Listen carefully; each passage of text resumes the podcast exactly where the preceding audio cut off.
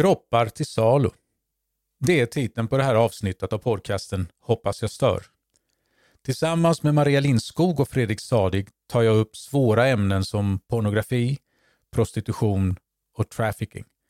Vi ser på sammanhang, orsak och verkan. Hur hamnar man i prostitution och trafficking? Hur allvarligt är det med pornografi? Är det något jag bör undvika? Och hur hjälper jag mina barn att göra kloka val?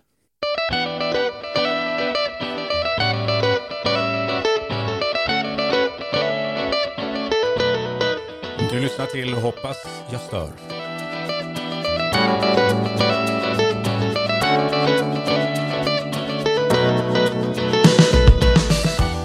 Tiden går fort och det är dags för ett nytt program med Hoppas jag stör. Rickard Jensen heter jag och jag hoppas verkligen att du har lyssnat på de andra programmen. Bara för lite grann sedan hade vi ett mycket hög, ett högaktuellt, det är egentligen att ta i, i underkant, om eh, Ryssland och Ukraina med titeln i skuggan av Ryssland. Lyssna gärna på det om du inte redan har gjort det. Det sagt så vågar jag säga att dagens program i fråga om dignitet och allvar inte ligger efter just det programmet. För idag ska vi ha, har vi ett tema, vi har egentligen tre teman och de är jätteintressanta. Inte sådana här som man skrattar, sig, skrattar hejdlöst åt, men jag tror att du kommer att hitta, finna att de är mycket intressanta. Jag har två stycken gäster med mig idag, som jag ska, de ska få presentera sig alldeles själv. Jag vill säga välkommen till Fredrik Sadig. Tackar, tackar. Och Maria Lindskog. Tack så mycket. Mm. Maria, vem vill börja? Jag behöver en presentation, eller vi behöver, men jag skulle gärna vilja ha en presentation. Fredrik vis, vifta lite gentilt här med handen och säga att Maria ska presentera sig först. Varsågod Maria. Då inleder jag. Jag heter som sagt Maria Lindskog och jag arbetar som verksamhetsledare för Nomi som är en verksamhet här i Malmö som erbjuder skydd och stöd till personer som utnyttjats i människohandel för sexuella ändamål. Vår organisation drivs av eh, föreningen Hela människan i Malmö som är kyrkornas gemensamma sociala arbete. Det kommer vi att vilja veta mycket om. Fredrik, vad gör du? Mm. Jag jobbar som IT-pedagog på en skola eh, där jag också jobbar en del med värdegrundsfrågor. Um, och sen är jag också ute ibland och föreläser så för ungdomar um, kring det temat som vi ska prata om idag. Här. Och det, det, här temat som vi ska prata om, det är ju egentligen tre. Och jag läser dem från min fusklapp här. Det är pornografi, det är prostitution och det är trafficking. Om man nu skulle försöka att definiera dem kort och begripligt, vad, vad säger man om, vad är pornografi för någonting, Fredrik? Eh, alltså man kan, det, det finns ju massor de, så, definitioner på det, men jag brukar använda en som är att det, det handlar om material vars syfte är att skapa sexuell upphetsning där materialet då är bilder eller filmer eller skriven text och sådär. Men sen brukar jag när jag är ute och pratar med ungdomar så brukar jag liksom nyansera den definitionen lite. Eh, och då brukar jag gå, gå tillbaka och titta på ordets betydelse, liksom ursprungsbetydelse. Det är ju ett grekiskt ord som det kommer ifrån, pornografin. Där första delen porne faktiskt betyder prostituerad och den andra delen grafin betyder rita, skriva eller framställa. Så om man skulle översätta det direkt så är det ju, handlar det om eh, liksom, eh, ja, ska man säga, skildrad prostitution som skildras på olika sätt. Där det handlar om eh, sex mot ersättning då ju, fast det är dokumenterat liksom. Men då, kommer, då är man ju på väg in i, i, redan här, om man tar, den, tar till sig den definitionen så är man ju i, så är man på väg in i en, ett djup som, som vi kanske inte alls förknippar med pornografi. Precis, ja. och det, det brukar det landa i sen mm. i slutet av diskussionerna kanske också. Men jag börjar redan där i definitionen. Ja, mm. Vi kommer tillbaka till detta. Eh, prostitution sa du, vad, vad ska vi säga om det? Mm. Ja, men det enklaste sättet att beskriva prostitution är väl att det rör sig om två parter som köper eller säljer sexuella tjänster mot någon form av ersättning, vanligtvis då ekonomisk ersättning. Mm. Så, och då när vi kommer in i prostitution så landar vi också i det tredje begreppet som är trafficking. Vad är trafficking? Det, det är inte en trafikkorsning med röd och andra otäcka lampor? Nej, precis det är det inte. Trafficking eller människohandel som vi brukar säga på svenska. Det finns ju olika former av människohandel. Det kan röra sig om människohandel för arbetskraftsexploatering eller eh, organförsäljning. Men den mest eh, vanliga och eh, eh mest förekommande formen av människohandel är för sexuella ändamål. Och eh, kortfattat sagt så innefattar det en handelsåtgärd, till exempelvis rekrytering genom exempelvis tvång eller vilseledande i syfte att utnyttja en annan människa helt enkelt. Är det, det sista du sa, där, är det själva nyckelpunkten att utnyttja någon för sina egna syften? Precis, det får man ju säga är den stora skillnaden mellan människohandel och prostitution. Att i människohandelssammanhang så finns det ett tydligt syfte att eh, utnyttja en annans person utsatta belägenhet för sin egen vinnings skull helt enkelt. Här, här hugger jag. Eh, prostitution ligger, om jag tolkar det rätt, så ligger det trappsteget under det. Alltså trafficking är värre än vad prostitution är, men innehåller prostitution. Ja, eh, precis. Sen är det mycket gråzoner här eh, sinsemellan vad som är vad. Eh, även om man är i prostitution eh, och kanske liksom utåt sett har valt det själv inom situationstecken så behöver ju det för den sakens skull inte betyda att man inte far oerhört illa av att vara i prostitution. Så det är inte heller så enkelt att säga att en person som är i trafficking eller människohandel nödvändigtvis eh, har det väldigt mycket värre än någon som är i prostitution. För att, att vara i prostitution eh, är också oerhört eh, traumatiserande för många människor. Mm. Fredrik, du, när du skulle förklara, eh, ge en definition på eh, pornografi så mm. gick du till de gamla grekerna. Mm, just det. Och, det, då, kan ju, då blir nästa fråga ganska så eh, logisk. Hur gamla är de här företeelserna? Ja, om man tittar på pornografin så har den väl funnits med, jag skulle gissa att det fanns på grottmålningar för många, många år sedan. Eh, men det är främst... Explicit. Ja, precis. Men det är främst nu som det har kommit upp till ytan i takt med den tekniska utvecklingen och så här som det har blivit ett stort problem skulle jag säga. Gäller det, Maria, gäller det prostitutionen också? Man hör ju ibland att personer refererar till prostitution som världens äldsta yrke. Vi på Nomi ser ju inte prostitution som ett yrke utan snarare en form av eh, exploatering, ett utnyttjande. Eh, men, men det här eh, uttrycket att det är världens äldsta eh, yrke kanske ändå säger någonting om hur, hur, hur länge bakåt i tiden det här fenomenet faktiskt har funnits. Du, du värjer dig, i det du säger så värjer du dig mot, det, det kommer fram att det är inget frivilligt val. Är det alltid så? Jag skulle säga de personerna som vi möter genom vårt arbete på Nomi, eh, i den absolut största majoriteten bland de personerna så har man hamnat i det här i brist på eh, andra alternativ helt enkelt. Det kan vara så att man kommer ifrån ett land som är oerhört socialt utsatt. Eh, det finns en, eh, en ekonomisk utsatthet som gör att man har hamnat i det här helt enkelt för att kunna försörja sina barn i hemlandet. Det kan vara fattigdom på den nivån att man inte ens har möjlighet att köpa mat till dem eller blöjor. Och helt enkelt utifrån brist på valmöjligheter så, så kan det vara så att man hamnar i det här när, vi, när du säger man överger sitt hemland för att komma till exempel till Sverige, vad är det för länder vi pratar om? Var kommer de här människorna ifrån? Mm. Eh, många av dem vi möter genom vårt arbete ser vi kommer ifrån Östeuropa. Eh, antingen det eller eh, det kan också vara många personer som kommer ifrån Västafrika. Framförallt Nigeria ser vi är ett land som många personer kommer ifrån.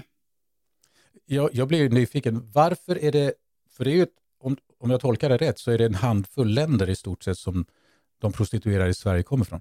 Varför är det så? Jag menar det finns ju ett otal länder i, i, i världen. Mm. Precis, Nej, men jag, jag, tror det handlar jättemycket om den sociala utsatthet och marginalisering som finns i de här länderna.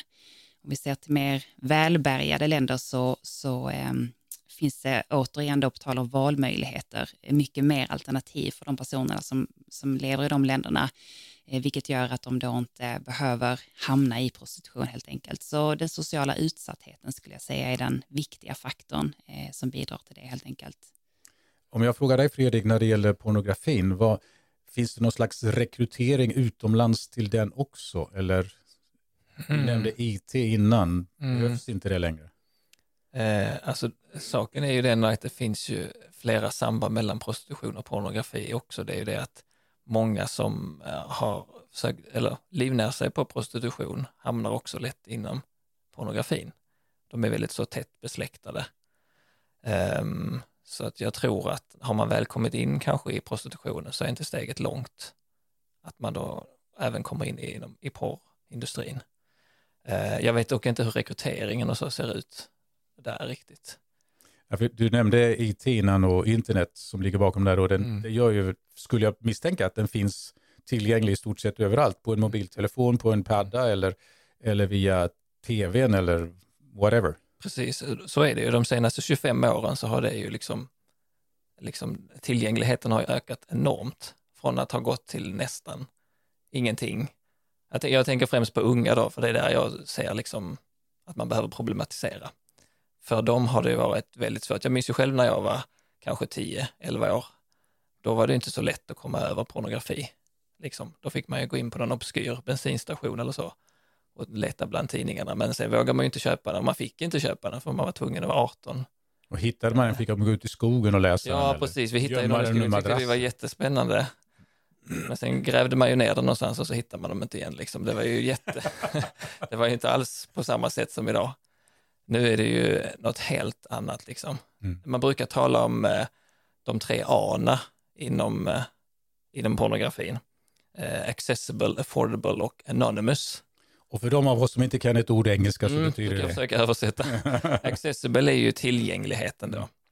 Eh, och där kan man ju jämföra med det jag sa då, att det inte är så lätt att, eller det var inte så lätt att få tillgång till det, men nu har det blivit betydligt enklare eh, i takt med teknologin och internet och så som det finns. Och sen är det det här affordable, att det är till ett väldigt överkomligt pris. Det kostar i stort sett ingenting. För har, har man liksom internet så har man tillgång. Eh, det kostar oftast inget extra liksom. Det, det förväntar sig porrindustrin att man kanske sen i vuxen ålder vill betala för eh, dyrare så premiuminnehåll. Eh, men för de allra flesta så räcker det med de här korta klippen som finns. Och det är gratis. Så. Och sen är det det här med Anonymous då, att det är, det är väldigt lätt att vara anonym som porrkonsument idag. Eh, förr var man tvungen kanske att gå in i en eh, videobutik och liksom och verkligen låna den här filmen och gå fram till disken och så och visa upp sin lägg och allting. Men nu kan du ju med din telefon gömma dig i en grotta någonstans och konsumera porr. Det är ju väldigt, väldigt enkelt. Men det, det, när du pratar är det mm. skamligt? Är det skämmigt som ungdomarna säger? Är det skämmigt att se på porr? För det var det ju tydligen då, när, när du pratade om det här och vad man, man gick undan och gömde det. Är det fortfarande lika skamligt att se på porr? Jag skulle säga att tyvärr är det för mycket skam belagt. Är det, vilket gör att vi inte pratar så mycket om det. Men vi har ju börjat, det har ju börjat hända grejer nu, liksom att man har lyft upp det mer. Vem skapar skammen? Oj, det var en svår fråga. Eh, det tror jag vi alla bidrar med på något sätt, vi som, in, som väljer att inte prata om det. Eh, ju.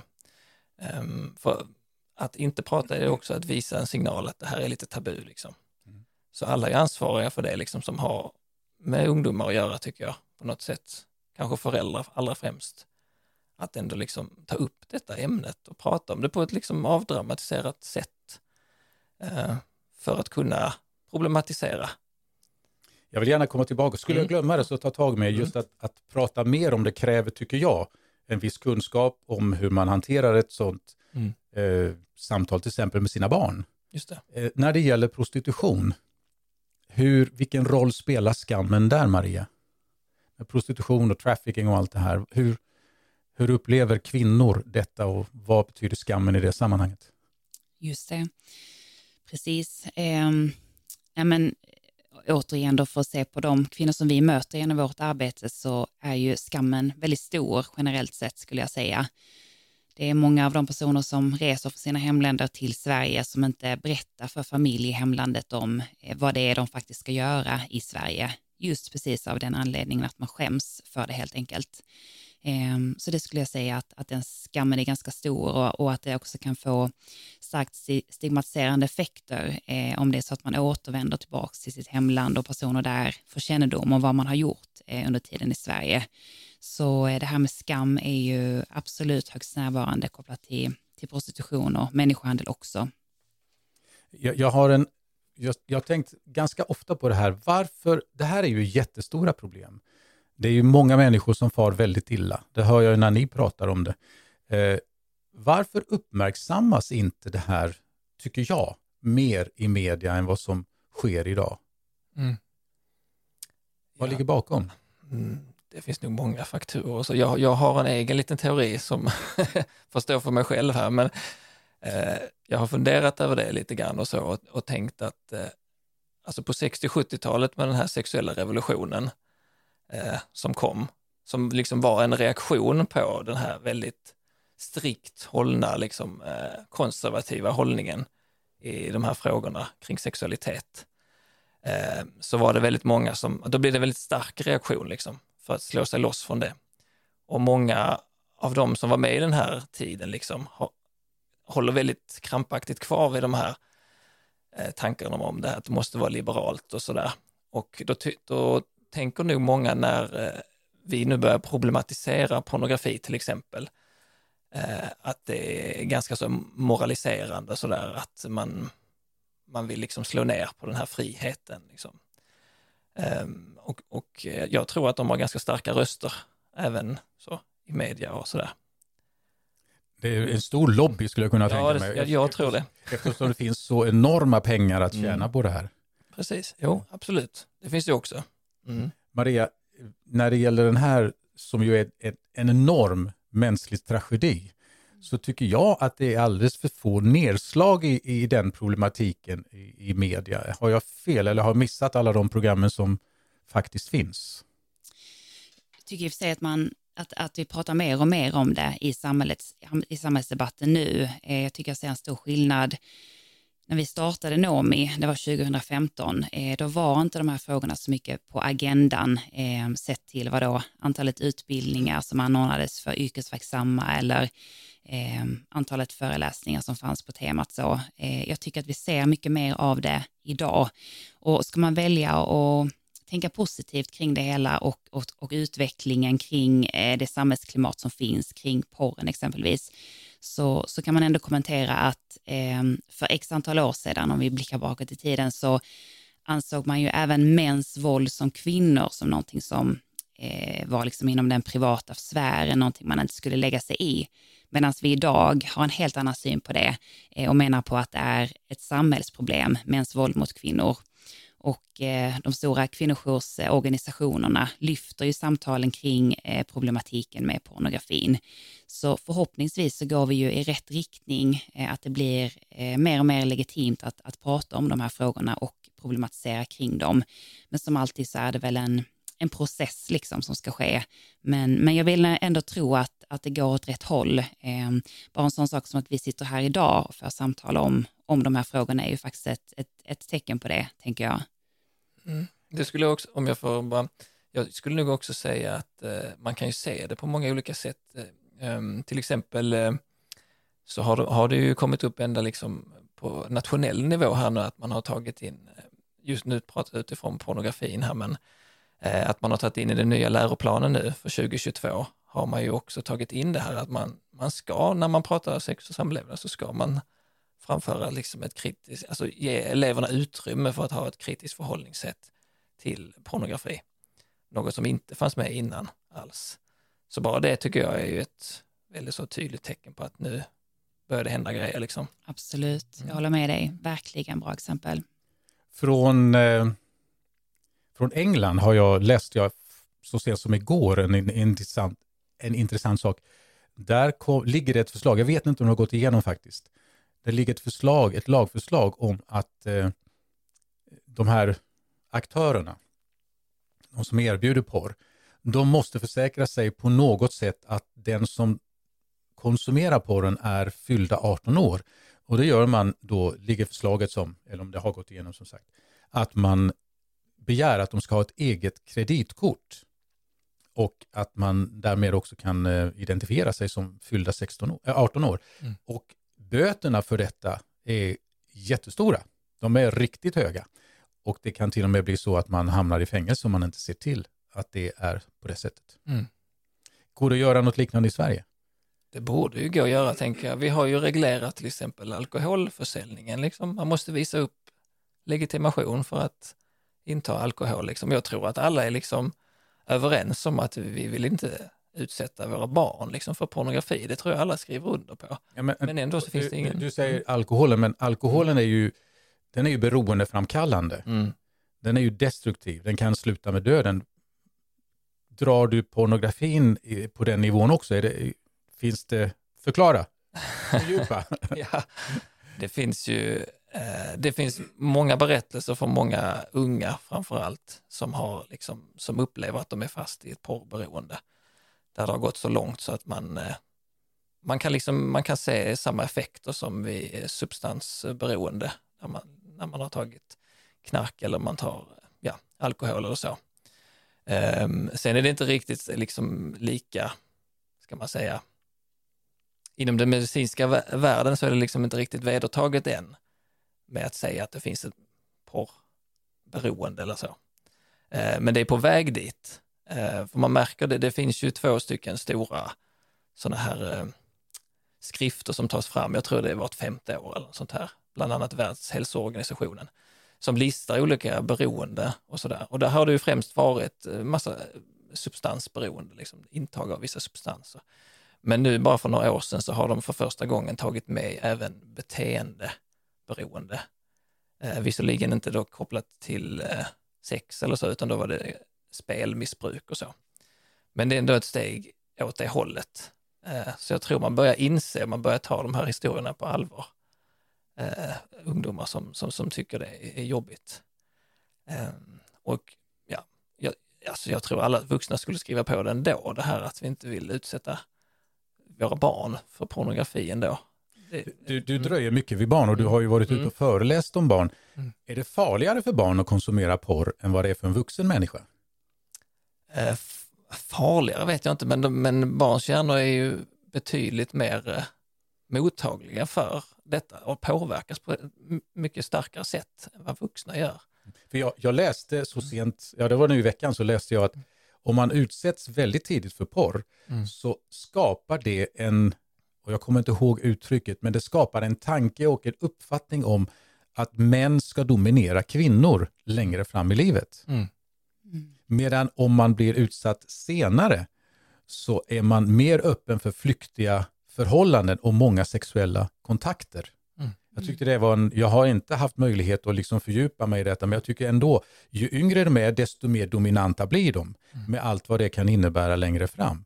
Mm. Eh, jag vet inte, vad, har, vad tycker du om en sån, två stycken eh, blivande doktorander var det som hade gjort den här undersökningen. Mm. Ja, nej, det är, det är verkligen intressant. Och jag tänker att vi, vi ser ju också direkta konsekvenser av porrens skadeverkningar eh, bland unga idag.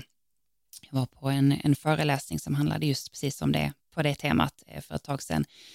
Och då lyfter man som exempel att många unga idag, eh, många unga tjejer exempelvis i, i sammanhang i skolan när man har sexualundervisning och man har möjlighet att eh, ställa olika typer av frågor så är då en vanligt förekommande fråga, måste jag gå med på strypsex? Jag tänker att det där är en fråga som inte hade förekommit för faktiskt inte, vi behöver inte gå så eh, långt bakåt i tiden och den frågan hade känts absurd och oerhört främmande. Idag är det en, en fråga som unga tjejer eh, tvingas leva med, eh, att behöva ta ställning till. Och varför behöver de det? Nej, men mest troligt för att det då är unga killar som har eh, konsumerat våldsam porr eh, och blivit påverkade av det helt enkelt. Och där kan man också dra eh, kopplingar till prostitution och människohandel och se till sexköparna som, som köper sex ehm, och deras då krav på ofta våldsamma sexuella handlingar som de vill utföra då. Ehm, där vi också ser direkta kopplingar till, till porren helt enkelt. Nu gör jag en egen tolkning. Mm. Får ni rätta mig om jag har fel. Och det händer ju ganska ofta. Men i alla fall. Eh, porren börjar konsumeras. Alltså en, en konsument börjar att ta till sig porren. Eh, tillvänjs, om man kan använda uttrycket, blir van vid den nivån han är på och sen går han upp, eller hon, och till högre nivå och det kräver mer och mer. Och till slut hamnar man lite grann, inte bara så lite, men du menar att det blir värre och värre och blir resultatet är att man utövar våld i sin sexualitet på Mm. prostituerade eller till och med på sina flickvänner. Så, så kan det bli, absolut. Eh, och Det kan också vara så att eh, man har sett och inspirerats av saker eh, som man sett i porren då, som man inte vill göra tillsammans med sin flickvän, som man känner någon typ av respekt för. Och just av den anledningen så väljer man att vända sig till en person som är i prostitution istället, för då har man en idé om att man kan göra vad som helst med den personen.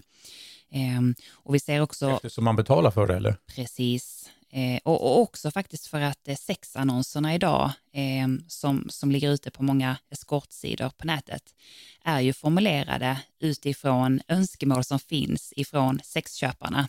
Eh, så en vanlig sexannons innehåller ju eh, en lista över saker som personen i fråga erbjuder, där det inte sällan är väldigt våldsamma eh, förslag, exempelvis att man kan gå med på att bli urinerad på eller eh, att bli slagen eller eh, andra liksom förnedrande eh, ingrepp helt enkelt, som, som vi också ser eh, har kopplingar mm. till porren.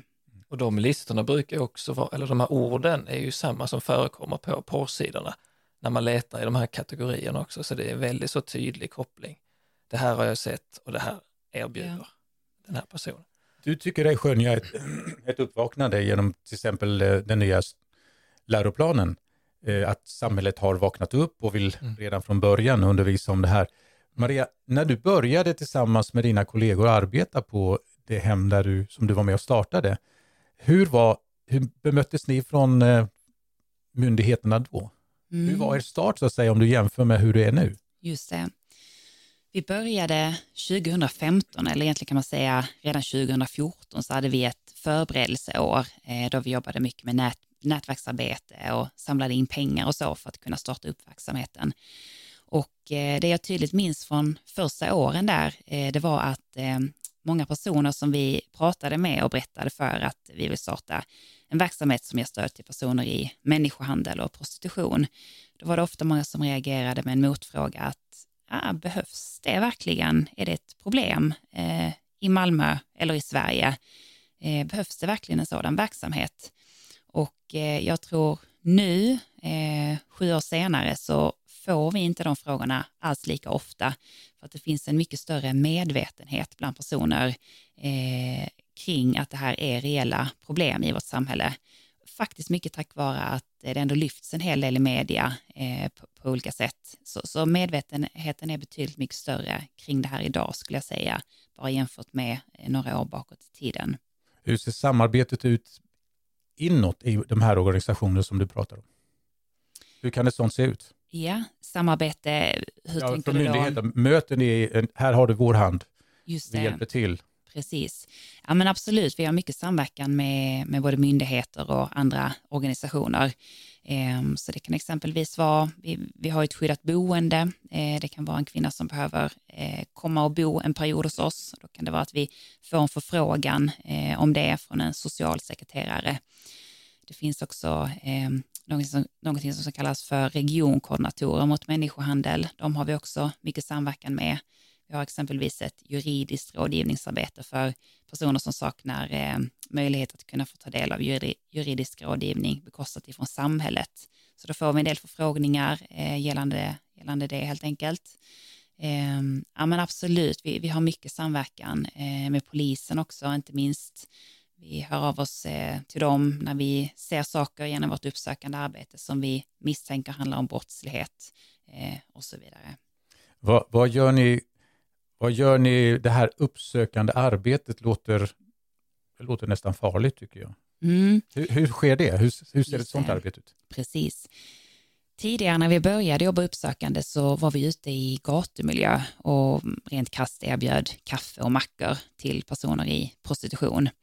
Ehm, men de senaste åren så har gatuprostitutionen i Malmö varit eh, nästan till obefintlig. Så det är internet som är den stora arenan eh, nu för tiden. Då. Så det vi gör när vi jobbar uppsökande det är att vi, eh, vi går ut på de här sidorna där personer publicerar sexannonser. Och på samma sätt som en person som kontaktar en tjej för att köpa sex, på samma sätt går vi tillväga när vi kontaktar någon, fast med ett erbjudande om stöd och hjälp. Och då presenterar vi att vi kommer ifrån en organisation eh, som finns där för dem eh, och vill kunna erbjuda hjälp utifrån eh, det som de behöver stöd och hjälp med här och nu helt enkelt. Då blir jag ju nyfiken. Vad får ni för reaktioner? Mm.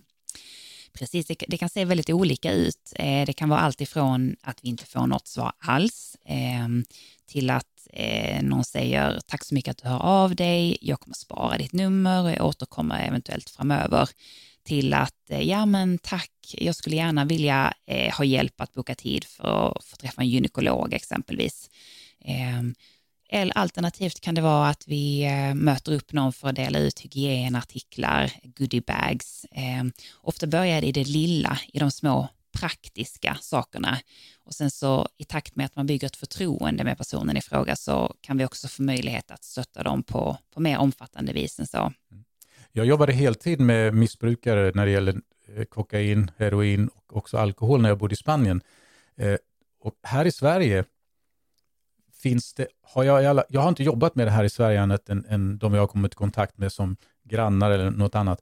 Så jag har förstått att det finns ett ganska utbrett miss, en misstro mot myndigheter. Mm. Hur, hur kommer den in i bilden när ni ska försöka göra ett arbete? Precis, ja men visst så är det absolut. Och där får man ju då säga att det är till vår fördel att vi inte representerar en myndighet utan att vi är en frivillig organisation. Det skulle jag säga faktiskt är ett plus. Eh, det innebär att tröskeln är lite lägre för att vara i kontakt med oss jämfört med en myndighet.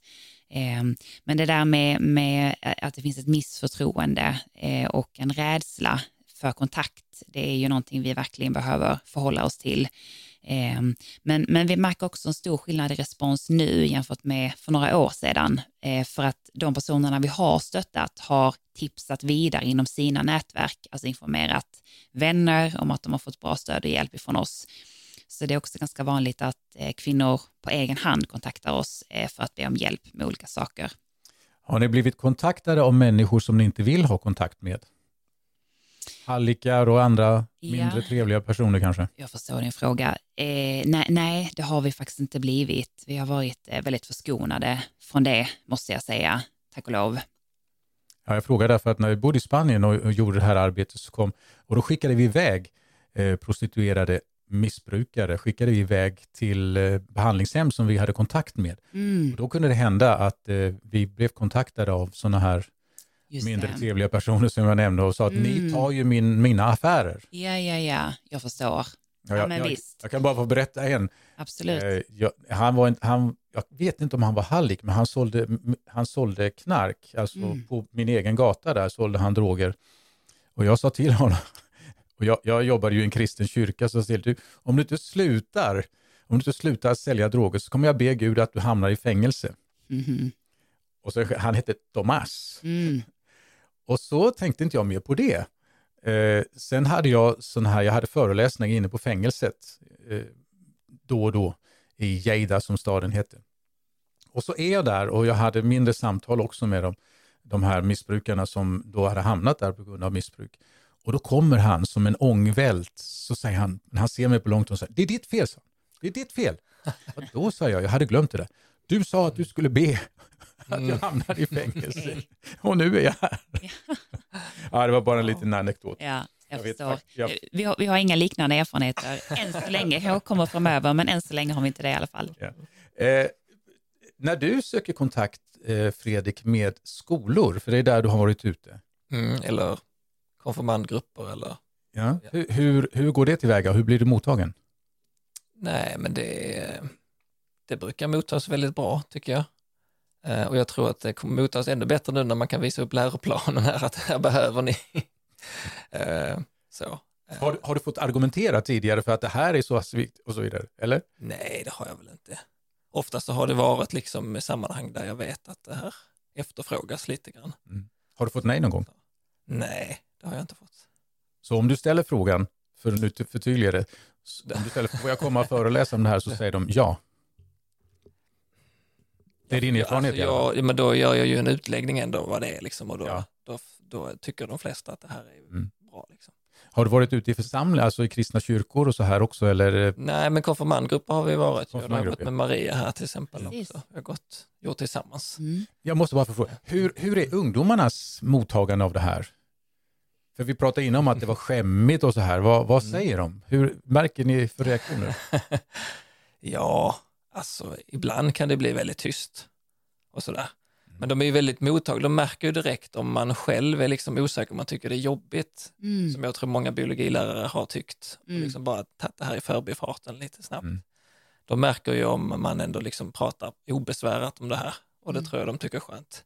Det är ju det vi måste lära oss, tänker jag också, att prata obesvärat om porr. Mm. För att det inte ska... Att övervinna vår egen skam kanske Mm, och, och kanske. vår egen Mm. uppväxt med, Precis. jag är 65, ni är betydligt yngre, men jag, jag vet ju vad min generation när jag växte upp tyckte och tänkte och sa om det här. Det Mm. var liksom, ja inte Mm. dödsstraff, men nästan på Mm. om man ens skulle knysta om några Mm. sådana här saker. Ja. Visst, visst. Men, men det är ju högaktuella frågor för dem, så jag tänker att även om de kanske håller låg profil under tiden man är där och Precis. pratar med dem så är det ju självklart frågor som, som är väldigt angelägna för dem och som de Mm. säkert tänker och funderar och reflekterar mycket kring. Så det är ju jätteviktigt att man, att man öppnar upp för den här möjligheten att, Mm. att, att kunna föra samtal kring det. Det Har, ni- jag. har ni blivit upp, eh, har ni blivit, eh, fått, eh, har någon kontaktat er skulle säga för att få en uppföljning eller samtal kring de här frågorna? Mm. Det, nej, det Jag tror tänkte jag. bland ungdomarna. Ja, nej, det har jag nog inte blivit. Nej. Men någon gång direkt efter så har man väl märkt att alltså när man väl har slutat sitt pass liksom, och de Mm. lämnar klassrummet, då har man ju kunnat få lite frågor som man kanske inte ville ställa eh, inför I det alla öppna samhället, ja. Ja, I det öppna samtalet. så det känns ju ändå bra. Mm. Eh, Om jag, får, jag går lite vidare här. Om, eh, när jag tänker, tänker på prostitution. Vem Mm. är det som söp, köper sex? Mm. Hur ser kunden ut? Den typiska? Ja, hur ser kunden ut? Ja. Ma- Man brukar säga att det är män från alla samhällsklasser. Det går inte att säga att det finns en stereotyp eh, person av vem som är en sexköpare, utan det kan vara allt ifrån lågutbildade personer till eh, oerhört välutbildade personer på höga positioner i samhället. Eh, så det är liksom ett brett spann av personer. Och man brukar säga att det är ungefär en av tio män i Sverige som, som har köpt sex någon gång. 10 procent av befolkningen, den manliga Mm. befolkningen. Alltså. Mm, precis. Men gemensamt kan man väl säga, och det, det är inte sånt som syns på yttre attribut, som är gemensamt för de här männen brukar ändå vara att de har någon slags speciell attityd, till Mm. exempel mot kvinnor eller så. Ja, Det kan vara liksom ojämställd attityd och rasistisk attityd, eller att det finns några sunkiga attityder. Kvinnan ska domineras, som vi var inne på Mm. tidigare när det gäller en tidig debut för, när det gäller Precis. konsumtion av porr. Ja. Mm. absolut. Det tror jag också. Det, det håller jag verkligen med om att det är eh, någon slags eh, människosyn som, som Mm. förenar de här männen. En, en idé om att man har en rättighet eh, att kunna då köpa sig till en annan människa. Det är ju tack och lov den stora majoriteten som inte resonerar på det sättet. Eh, men de som faktiskt gör det har ju det gemensamt, just att de tänker på det sättet. Ja. Mm. Jag läste någonstans att 80 procent av all eh, utnyttjande, alltså prostitution, män som utnyttjar prostituerade, sker utomlands, alltså på resor Mm. utomlands. Precis, så är det också, ja. Absolut.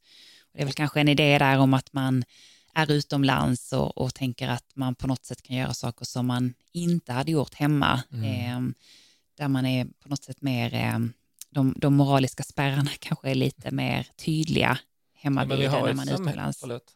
Men vi har ju ett samhälle här där, som tydligt visar vad vi tycker om den här frågan med sexköpslagen Mm. till exempel. Absolut. det har ju en effekt på alla människor. Men beger man sig utomlands då så tänker man här mm, eller någonting annat. precis. Och här får det ju konsekvenser, om, det blir, om media får tag på ett, prostit- eh, ett Mm. köp, så att säga sexköp, så Ja. blir ju konsekvenserna enorma. Det slås ju upp Absolut. enormt. Verkligen. Jag, jag läste i samma rapport så läste jag att 33 procent är, sker på, hand, på tjänsteresor. Mm, Alltså fina Mm. kostymklädda nissar mm, som åker utomlands på tjänsteresa som då utnyttjar prostituerade. precis. Ja. Hur kommer man till rätta med, med, med en sån här sak? Mm. Går det överhuvudtaget? Ja, men, som du var inne på Fredrik, eh, alltså i Sverige har vi en lagstiftning som innebär att det är förbjudet att köpa sex. Eh, lagstiftning har ju en starkt normerande effekt, så är det ju faktiskt eh, väldigt tydligt. Så, så det är ju ett sätt, ett, ett bra grepp eh, i det hela, att ha en tydlig lags, lagstiftning som visar på att vi tycker inte att det är okej att köpa sex. Utan I vi Sverige ser- är det inte tillåtet. i Sverige är det så precis att det är olagligt att köpa sex. Och det är ju, eh, lagstiftaren har ju bestämt att det ska vara på det viset för att visa att eh, sexköp är en del av mäns våld mot kvinnor helt enkelt. Ehm, så, så där har vi en, en bra lagstiftning här i Sverige och vi var faktiskt först i världen eh, med att införa den lagstiftningen och sen är det andra länder som har tagit rygg på oss och följt vårt exempel. Men eh, 1999 så var vi första landet i världen att, att införa den lagstiftningen. Det, finns ju, det fanns, eller finns, jag vet inte hur det är nu, men det fanns ju de som tyckte i alla fall att, att det skulle vara förbjudet att sälja sex också. Mm. Varför är det inte det? Mm. Nej, men det handlar ju om att eh, skydda den som säljer sex, eh, för att man förstår att det är en person som befinner sig i en utsatt livssituation. Så för att inte skuldbelägga den personen så har man då valt att, att ha det på det sättet. För att man också ska våga vända sig till polisen och söka eh, skydd och stöd och hjälp eh, och anmäla brott som man är utsatt för helt enkelt. Eh, så, så det är därför vi har det på det sättet i Sverige. Skulden läggs alltså 100% på konsumenten, den som yeah. köper sex. Precis, exakt. Vad har ni någon aning om straffskalan här? När, vad händer om, om, om, någon köper sex? Talar vi om två månader i fängelse eller 20 dagsböter? Eller vad, vad har vi att göra med? Precis. Nej, men, eh, straffskalan är ju böter eller max ett års fängelse. Ehm, sen i, i praktiken så är det ju generellt väldigt få personer som lagförs eh, för det här. Man håller ju på att se över lagstiftningen eh, som finns. Ehm, och eh, kommer eventuellt då också skärpa straffen här framöver och ta bort böter ur straffskalan. Mm. Just det, för som det är nu så är det sådana strafföreläggande att man kan betala och så går vi inte till rättegång mm. och så, mm. så, är det glömt. Liksom. Precis. För att det inte ska uppmärksammas eller? Ja, det är väl precis så att det inte blir en stor grej liksom av det här. Men har man då tillräckligt mycket, det, det här visste jag inte alls. Så om jag bara har en tillräckligt stor plånbok så kan jag alltså, ja, men jag kan ta risken därför att jag kan betala det och ingen får veta något. Jag tror det är så. Jag vet inte om det skickas något brev hem eller sådär, mm. polisen kanske, men, mm. men inget mer. Nej. om, om ni fick bestämma, hur skulle en lagstiftning se ut och hur skulle straffskalan se ut? Vågar och vill ni säga någonting om det? Jag kan säga att jag tycker den lagstiftning vi har i Sverige är bra eh, och jätteviktig. Den ska vi värna om. Ibland i samhällsdebatten så hör vi röster som tycker att vi ska förändra den lagstiftning vi har. Eh, det tycker jag inte att vi ska göra. Däremot behöver den kompletteras med mer sociala stödinsatser än vad vi har i nuläget. Vi kan inte bara nöja oss med att vi har en lagstiftning som förbjuder köp av sexuella tjänster, utan vi behöver också ha ett bättre påkopplat stöd än vad vi har i dagsläget. Mm. mm. Det kommer en fråga som, som funkar till er båda. Eh, frågan är så här, hur tar man sig ur? Och då gäller det både pornografi, ett beroende där, och en, en situation av trafficking. Vem vill börja av er? Ja, jag kan börja. Ja. Eh, alltså, du, när du säger ta dig ur, då menar du att man upplever Om jag, att jag, som ung tonåring mm. upptäcker att det här är ju inte bra, jag får ju helt mm. konstiga idéer, jag mår ju mm. inte bra av det här, jag skammen och allt vad det nu är, och jag kan inte behandla min tjej på rätt sätt och jag Just märker ju själv att det är något galet och jag kan dessutom inte låta bli det. Just det. Hur tar, då är det ju ett beroende, mm. när det blir tvångsmässigt. Precis. Hur tar jag mig ur ett tvångsmässigt, tvångsmässigt beteende på det här sättet? Det finns ju många som har gjort det och, liksom, och kan vittna om hur, hur bra det har blivit efteråt också. Eh, och som gärna delar med sig av sina erfarenheter och sådär. Eh, några av dem har jag hört talas om, då, då pratar de om att man kanske kan ta, man kan bestämma för sig själv att jag ska ta en, en porrpaus nu på en vecka kanske. Man lägger själv upp det liksom. Och så provar jag och ser vad som händer. Stänger in datorn och, och mobiltelefonen i garderoben eller hur? Ja, om de är beroende, klarar de det? Det är det jag menar. det kan ju vara så att man trillar dit och så, men då är det jätteviktigt att man är, liksom är snäll mot sig själv. Och man ser det liksom som ett litet snedsteg, men jag kommer upp på banan igen. Mm. Så att det gäller inte att liksom klanka ner för mycket på sig själv. Um, men uh, det går att göra ju och det har ju folk som har gjort det. Det finns flera forum liksom där de delar med sig av de här idéerna. Så här gjorde jag för att klara det. Um, men sen finns, alltså det finns ju tekniska hjälpmedel också för liksom att lägga in porrfilter och sådär. Och kanske ha rutiner att man lägger bort telefonen på kvällen eller inte tar med den in på toaletten eller sådär. Saker som kan underlätta. Vi brukade prata, eller när jag eh, läste på om det här mycket, att man skulle undvika heta situationer kallades det. Där de bokstäverna i ordet heta då stod för hungrig, ensam, trött och arg. Eh, det är inte så lätt alltid att undvika de här situationerna, men, eh, men det kan ju vara så att eh, porrberoendet är förknippat kanske med liksom alltså ångest och så här, att man har det jobbigt eller en väldigt stressig situation. Ta, ta bokstäverna igen och vad de, vad Mm. de står för. Heta situationer då. Hungrig, ensam, trött och arg. Men jag skulle vilja lägga till stress också, Mm. kanske, eller ångest och så. Mm. Du menar att det är faktorer som triggar igång någon slags tröst, behov? Ja, men man måste, ja, när man är stressad så måste man ha någonting bara för att kunna slappna av. Liksom. Mm. Och då är det bra om man kan hitta något substitut om man tycker att det blir ett problem. Liksom. Ett substitut som också, man också kan slappna av och kanske motionera eller ja, ta en promenad eller vad som helst. För när du pratar så, jag ser ju alla de här amerikanska filmerna där man kommer hem stressad eller upprörd, så går man fram till skåpet och så tar man fram en whiskyflaska Mm. och så häller man upp först ett litet glas och sen blir det mer. Det låter ju någonting åt det hållet. Just det, men det, det syns kanske tydligare då också Mm. om man tar ett glas och luktar och sådär. Men som sagt, det är väldigt lätt att vara anonym med sin Ja. påkonsumtion.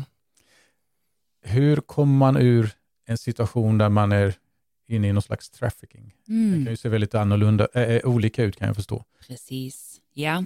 Men det, det kan det göra, eh, absolut. Eh, det, anledningen till hur man först hamnar i det kan ju också se olika ut, även om det gemensamma nämnaren för, för alla skulle jag säga är att man kommer från ett eh, socialt eller ekonomiskt utsatt sammanhang så, eh, så kan det vara för en del personer eh, kan det vara faktiskt att man, att man vet att man eh, ska resa till Sverige och sälja sexuella tjänster här eh, redan på förhand innan man reser iväg. Men det då handlar om att man har liksom inte valalternativ att kunna vara kvar i sitt hemland. Eh, så för att kunna försörja sina barn helt enkelt så, så, så behöver man resa iväg på det sättet. Men sen finns det också de situationerna där det är personer som direkt luras in i det i tron att man ska få en annan typ av arbete, exempelvis som barnflicka eller liknande.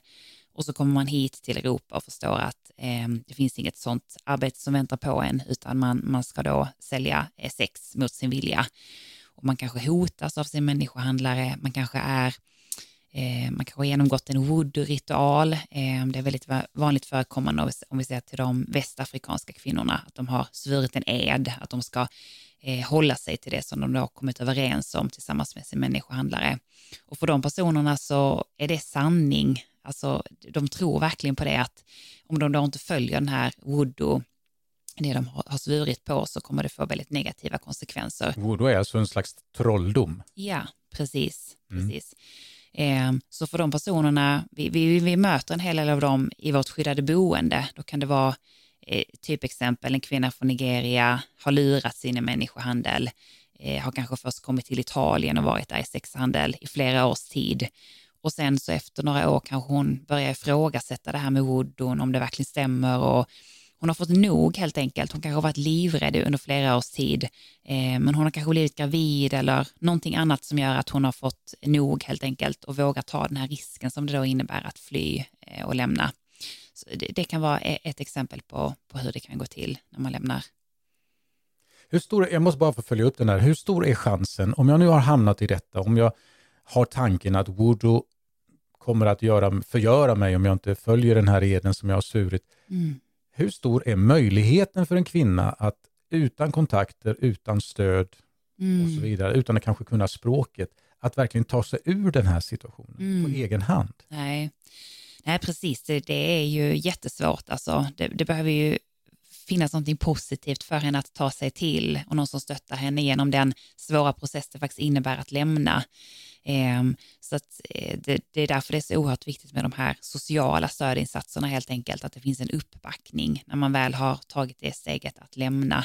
Det är ju för många personer direkt förknippat med livsfara att, att välja att fly från sin människohandlare. Ehm, så därför behövs det ju verkligen sociala stödinsats eh, för alla länder eh, som man kan sätta in eh, för att kunna stötta de här personerna helt enkelt. När ni har fått kontakt med en kvinna och ni har försökt och kanske lyckats, eh, Mm. det skulle vara intressant att få veta hur, hur ofta ni Mm. lyckas och får Mm. chansen att hjälpa Mm. ända fram. Mm. Hur länge kan ni följa en sån här kvinna för att se till att det inte blir något återfall?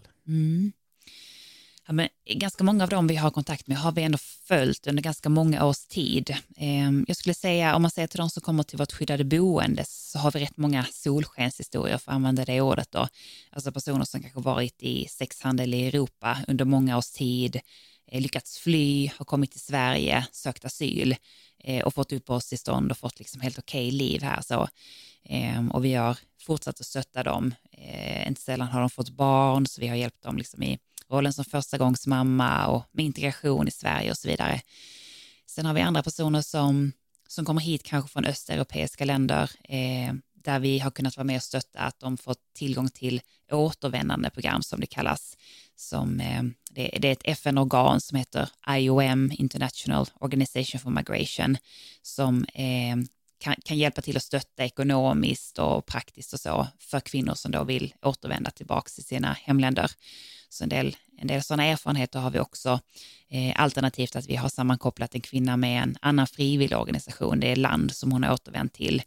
Eh, och där är det väl lite blandad kompott får man väl säga, tyvärr krasst om man ska vara ärlig i, i eh, hur, hur, det har gått för de här kvinnorna. För en del har det gått bra, för andra tyvärr så har de återfallit på nytt och och, och, hamnat i sexhandel för, eh, återigen för att de har varit i en så desperat utsatt situation så att, så att det har blivit så helt enkelt att de har hamnat i det på nytt. När jag jobbade i Spanien med det här jag, arbetet jag berättade om, om missbrukare så hade vi ett års rehabiliteringsprogram. Mm. Hur lång tid brukar det röra sig om när ni får som ni vill, höll jag på att säga, mm. från den första kontakten till dess att den här kvinnan kan slussas ut i samhället, tillbaka till sitt land eller var det mm. med uppehållstillstånd i Sverige? Just Vad pratar det. vi om för tidsperiod? Ja, och det ser väldigt olika ut faktiskt så länge någon bor i vårt skyddade boende. Det, det kan vara alltifrån eh, några veckors tid till ja, mer än ett års tid. Eh, det är också mycket förknippat till deras asylprocesser. Om, om vi tar in en kvinna som söker asyl så brukar vi eh, låta henne bo i vårt skyddade boende till det att hon har fått sitt beslut. Eh, är det då ett beslut om ett uppehållstillstånd så stöttar vi henne i att få en egen lägenhet och bli integrerad i det svenska samhället och så vidare. Är det däremot ett avslag så får vi då istället stötta henne med att kunna återvända på ett liksom så tryggt och säkert sätt som möjligt. Då. Var, det, det är en naturlig fråga, när du, tycker jag. Var får man pengar ifrån till sånt här jobb? Mm.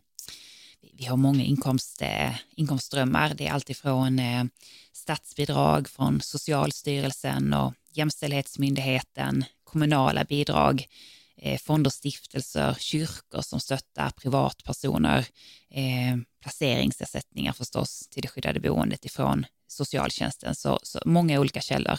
Mm. Om, om man nu som privatperson lyssnar på den här podden och hör dig berätta, kan man vara med, kan man bestämma sig för att jag vill vara med och stötta det här jobbet? Absolut, det får man hemskt gärna göra. Har du någon e-mailadress de kan skriva till eller något sånt här ja. som de kan nå dig på? Ja, men absolut. Eh, vår e-mailadress är noomi, N-O-O-M-I, at hela människan, fast med A, hela människan.se.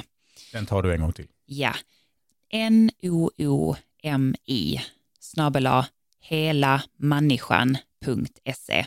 Alternativt om man bara googlar på Nomi Malmö så hittar man till vår hemsida. Så finns det information där om swishnummer och bankgiro och autogirosblanketter och så vidare. Så att eh, vill man vara med och stötta som, som privatperson så är det förstås oerhört värdefullt för vårt arbete. Och då är man med och upprättar med kvinnor som har farit väldigt, väldigt illa. Ja, absolut. Mm.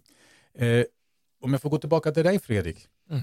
Nu, låt oss säga att nu är jag en, eh, jag har en tioåring eller en elvaåring som eh, hemma och nu börjar jag märka att han håller på att vakna sexuellt.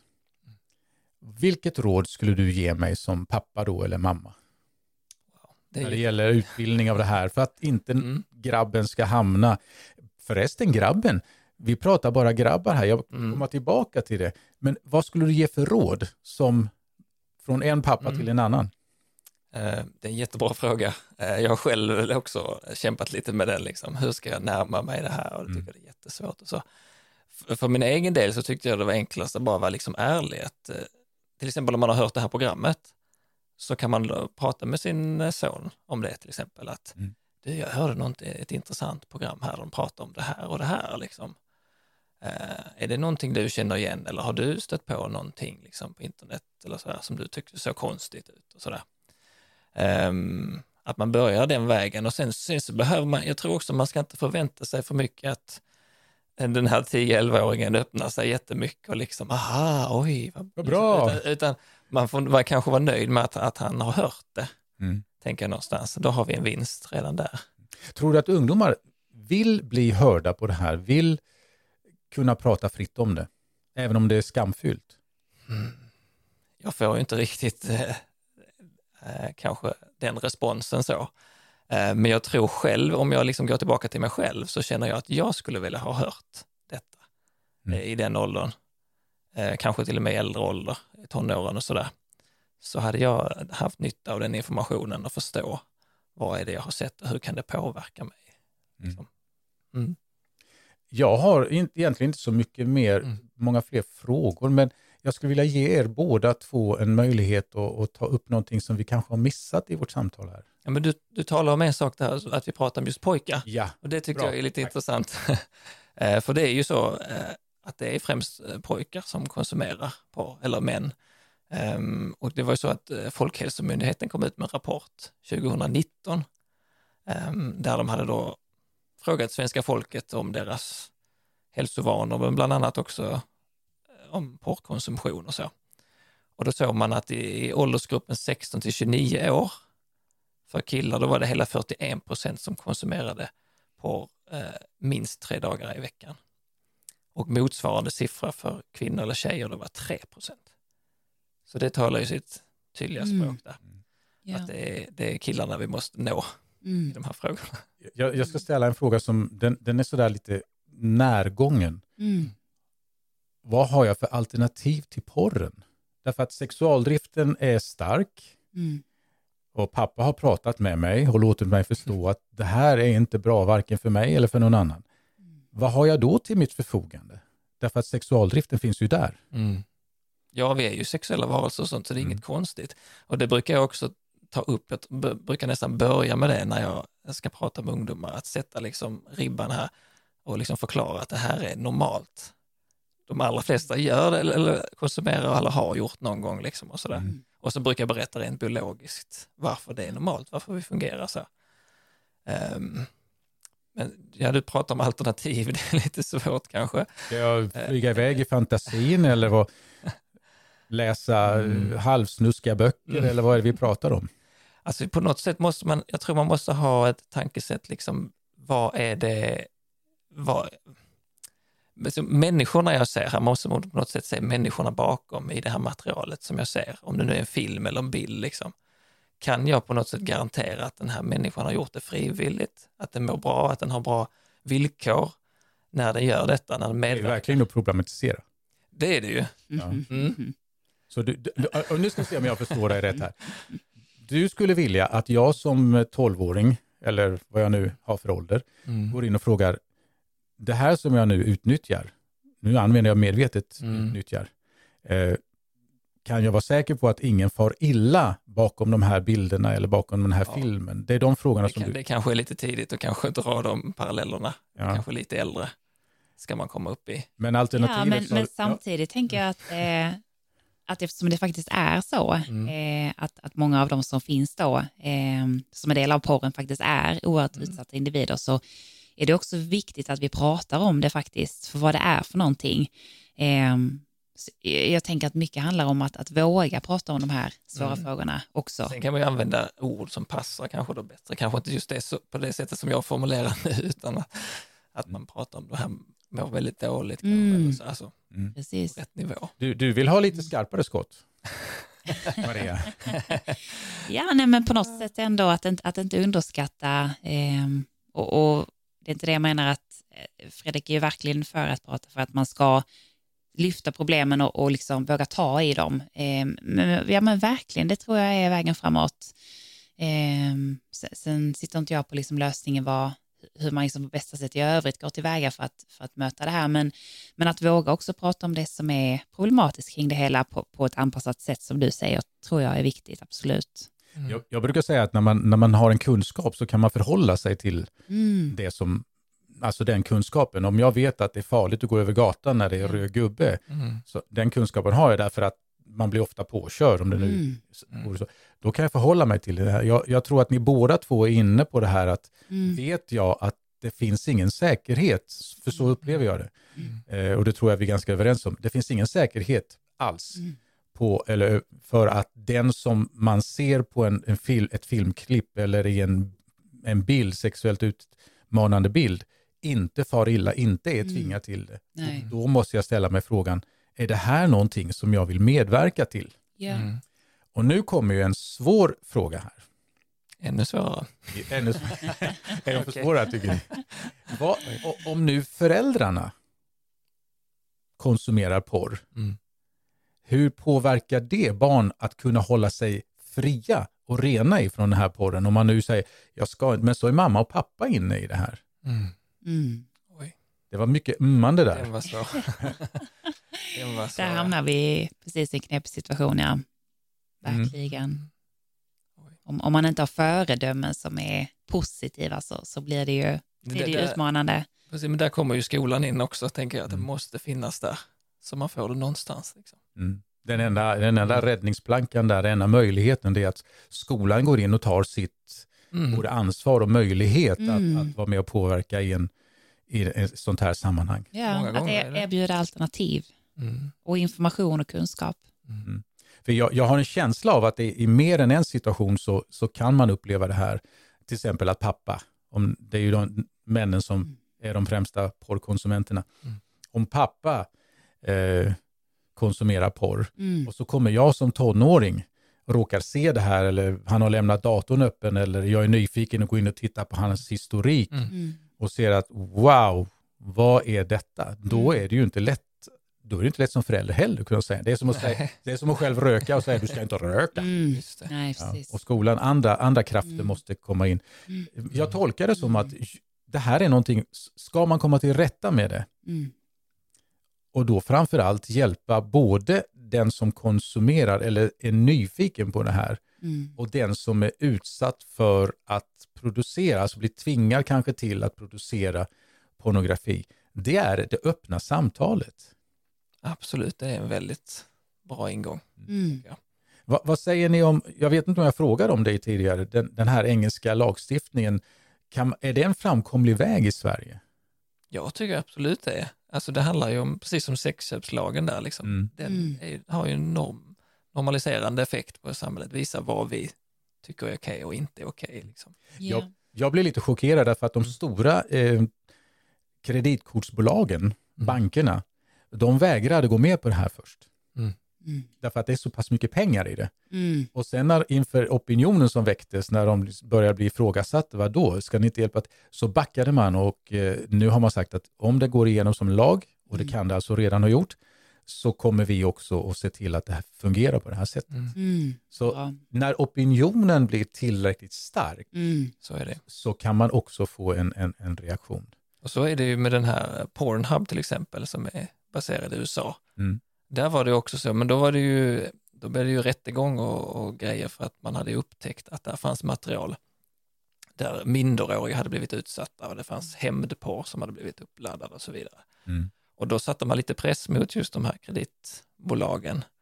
Så att det slutade med både Visa och Mastercard drog sig ifrån. De vill inte Mm. finnas som betalningsalternativ på sidan. Nu när du säger det så vill jag också minnas, jag kommer inte ihåg när jag läste det, men det var miljoner klipp som, som rensades ut. Mm, stämmer. Mm. Alltså jag, jag, kan ju, jag kan själv bli väldigt upprörd därför att någonstans måste man ju naturligtvis haft en, en tanke och en idé om att det här förekommer. Mm. Men så länge ingen klagar och ingen bråkar och ingen hotar mig med Nej. fängelse så Exakt. får det pågå.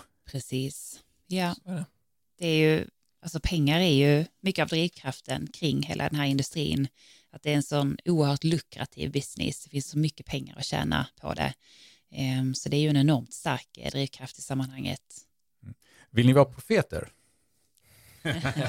och för dig som kanske inte är van vid det uttrycket, det är att man Ah. eh, förutsäger något och dessutom kanske lyckas spika det. När har vi en förändrad lagstiftning i Sverige på de här områdena? Oj, jag hoppas ju ganska snart. Om man nu säger till exempel att Storbritannien har vis- föregått med gott exempel så tänker jag att det inte är många år, tre Mm. år minst, eller högst tre år. Tre Ska år. jag säga. Du, nu har han svarat på en svår fråga, nu får du en också. Vilket parti kommer att lägga eh, eh, propositionen först? Ja, det återstår att se. Wow. Men, men, eh, nej men precis, verkligen. Det är valår i år, vet du. Så. Ja, precis. Vi kanske ska passa på att trycka på lite här nu för att få, Ja. få det att gå åt rätt håll. Nej men verkligen. Vi har ändå pratat mycket om det här idag under samtalet, att, att det faktiskt händer saker eh, steg för steg, att, att eh, det, är, mycket som går i rätt riktning. Så att, eh, Mm. får vi väl hoppas och tro att även lagstiftningen kommer att förändras här.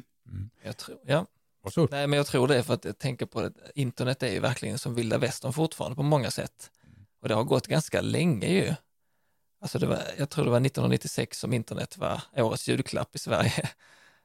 Och det är ju ändå, har ju ändå gått en tid sedan dess. Men ändå är det mycket som är oförändrat där och inte reglerat. Mm. Lite hoola bandoola Ja, fortfarande. det är ju det.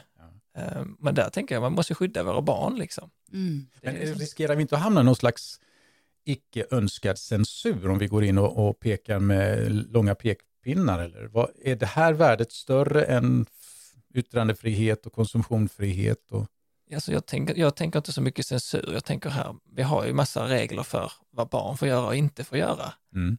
Och, men på nätet på något sätt så finns inte de reglerna. Eller så, det finns ingen som riktigt kollar det om, om barn har tillgång till det. Det kanske finns en knapp så är du över 18 så får du fortsätta klicka okej. Det kan ju vem som helst göra liksom. Mm. Det är ju ingen riktig koll. Så, Nej. förstår. Kop, kop, förstår jag menar. Jo, jag förstår det, men har det någon, jag tänkte, har det någon effekt i verkligheten? Alltså, finns inte den Ja. knappen nu? Jag är över 18. Jo, klick. men det är bara att trycka på den ju.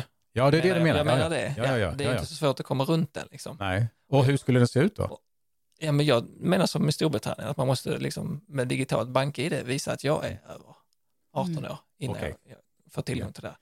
Och, men hur, nu- bara Mm. spinner jag vidare här. Eh, finns risken för att sådana här uppgifter, att jag, jag, jag, vi har ju alla ett bank-id som vi loggar in med på olika Mm. sätt. Finns det en risk att det här hamnar i fel händer och att det blir någon slags utpressning, uthängning? Det är ju en svår fråga, den kanske inte vi kan svara på här, men Den risken finns ju i alla andra sammanhang också i så fall, som man använder bank-id tänker jag. mm. Mm. Ni ska få eh, ungefär 15 sekunder på er Mm. att tänka ut något som ni vill säga till allra sist. Och då kommer en liten trevlig melodi. Jag vet inte om det blir exakt 15 sekunder, men det är ungefär vad ni får på er.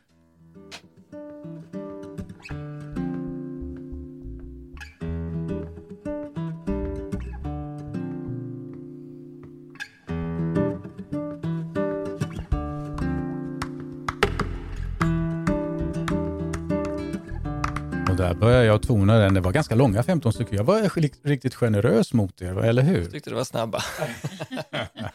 Eh, om, ni, om ni ska avrunda det här nu var och en på det område eller gärna på varandras områden också, men vad, vad blir era tankar? Nu har, nu har jag gett ordet till dig många gånger först. Nu tänkte jag rikta mig mot Maria. Vad Mm. dina sluttankar i den här podden? Ja, nej, men jag blir än en gång påminn när jag lyssnar på dig Fredrik, när du pratar om hur mycket kopplingar det finns mellan eh, porrkonsumtion, prostitution och människohandel. Eh, att, att det är svårt att särskilja de här tre områdena, de är så väl sammanflätade med varandra. Och vikten av att vi vågar lyfta dem till ytan och eh, prata om dem. Att vi behöver kunskap kring de här frågorna. Eh, och att, att vi har suttit här tillsammans idag och pratat om de här frågorna är ju eh, ett, ett bra exempel på att eh, vi behöver göra mer av det helt enkelt. Och därför känns det så positivt att vi har varit här tillsammans ikväll eh, och fått möjlighet att och, och och utbyta tankar. Fler poddar? Yes. Yes, Vad yes. säger du? Nej, jag, jag kan bara, jag, jag tänker bara på det här liksom att eh, jag vill bara uppmuntra alla till att prata på mer. Så att det inte blir sådär skambelagt liksom. Om man nu vill ha kontakt med dig för en eventuell föreläsning, Mm. frågar Maria här innan, vad, vad gör man om man vill ha kontakt med dig? Har du någon e-mailadress eller sådär? Ja, ja, det har jag. Absolut. Vill du lämna ut den eller ska jag ta min? För vi Ja, har en på Vi podden. kan ta det via det. Mm. Mm. det går bra. Den här, då ska du skriva till hopas, hoppas jag stor, förlåt, hoppas jag stor. Man får inte ha några prickar på, på internet. Hoppas jag stor snabel gmail.com. Hoppas jag stor snabel gmail.com. Det om du vill ha kontakt med Fredrik för ett besök eller kanske, jag tittar på Fredrik och han får nicka om han håller med, ett samtal kring de här frågorna i, på privat nivå kanske. Jag svarar gärna på frågor så. Det, Ja. det går bra. Eh, vill du upprepa din eh, e-mailadress också? Ja, ja men absolut. Då är det Noomi, N-O-O-M-I, snabel A, hela människan, fast med A, hela människan.se. Vi kommer också gärna ut och föreläser kring vårt arbete och prostitution och människohandel. Då har man, lyssnarna har alltså två möjligheter att eh, göra något åt situationen. Jag brukar säga så här, vänd aldrig bort ditt ansikte. Vänd aldrig bort ansiktet. Se aldrig förbi någonting utan reagera när du ser något. Gör något åt den situation som du blir in, instoppad i, höll jag på att säga. För Ja. vi är människor och vi behöver alla varandra. Och en dag är det kanske jag eller du som behöver den där hjälpande handen. Fredrik och Maria, tack så jättemycket för att ni kunde ställa upp Den Tusen här. tack själv. podden. Tack så mycket. Tack.